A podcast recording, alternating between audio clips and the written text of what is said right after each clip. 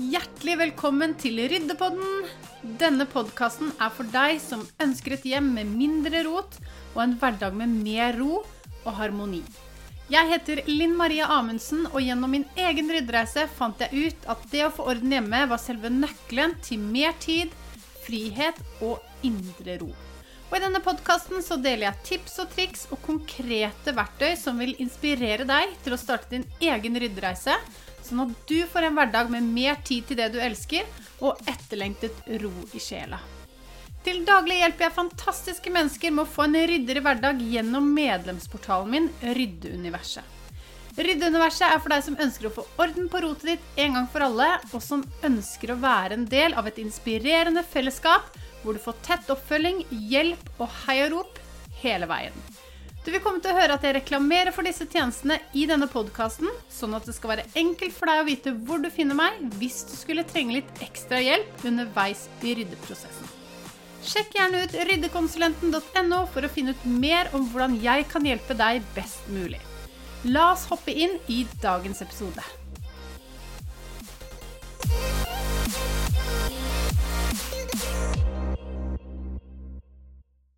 Velkommen til dagens episode hvor vi skal snakke om hvordan få tid til å rydde. Det kan jo være utfordrende nok i seg selv, det. Det kjenner du sikkert på også. Det med å rydde tid i kalenderen til å rydde. Eller rydde tid i kalenderen er ikke nødvendigvis det vi trenger å gjøre. Jeg er veldig for at vi skal ta små steg, og vi trenger ikke nødvendigvis skape over så mye på en gang. For det er ofte da vi føler at vi ikke får tid til det, og at vi føler at vi, eller at vi rett og slett bare faller av lasset. Det som i hvert fall er helt sikkert, det er jo at vi har de samme 24 timene i døgnet. Og de aller fleste av oss lever jo et hektisk liv hvor vi blir dratt inn i et hamsterhjul, enten vi vil eller ikke. Og det er ikke så lett å komme seg ut av det, og det kan jo også være utfordrende å skulle finne tid til å rydde når vi eh, lever hektisk, men også fordi rydding er noe det er lett å utsette fordi vi kanskje syns det er kjedelig. Eller det vil si, jeg syns ikke det er kjedelig, jeg digger det, men det har jo ikke alltid vært sånn. Jeg syns også det var kjedelig å, å rydde før. Um, det føltes som noe som bare ah, tiltak å drive med. Før jeg skjønte hvor enormt stor forskjell det gjorde i livet mitt. Uh, og når jeg skjønte at det ville gi meg ekstra tid i hverdagen, og ikke minst masse frihet. Og jeg starta jo min ryddereise da jeg fikk mitt første barn, fordi det var da jeg virkelig kjente på at tiden ble knapp og at jeg måtte gjøre noe. Og jeg hadde jo et ønske om å få orden også, og det lå jo også til grunn for at jeg starta min rydde, ryddereise. Og jeg skjønte at hvis det skulle føles overkommelig, så gjaldt det å gå løs på små ryddeprosjekter.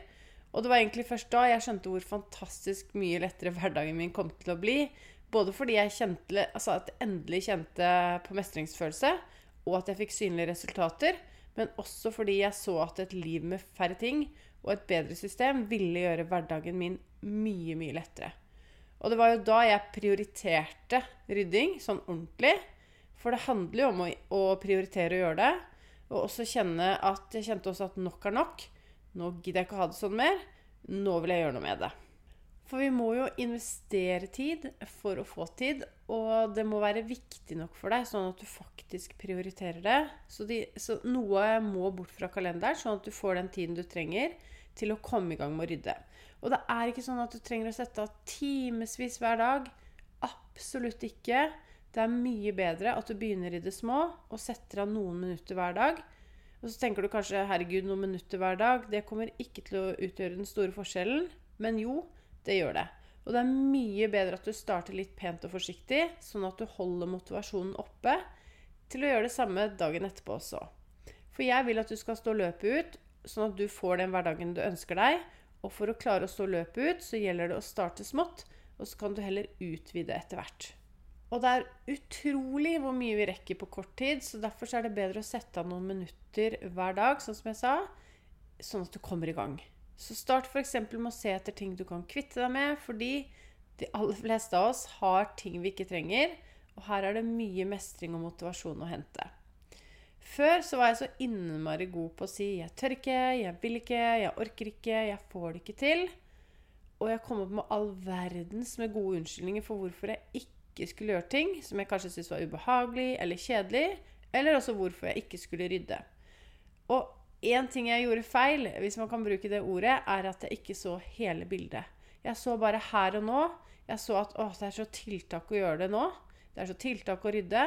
Men hvis jeg hadde sett på det store bildet, så hadde jeg nok kommet i gang med ryddeprosessen mye tidligere enn det jeg gjorde.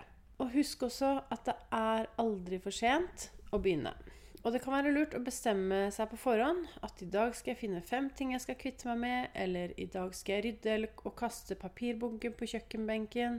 Så vær gjerne konkret når du bestemmer deg for hva du skal rydde, for da vet du akkurat hva du skal gjøre.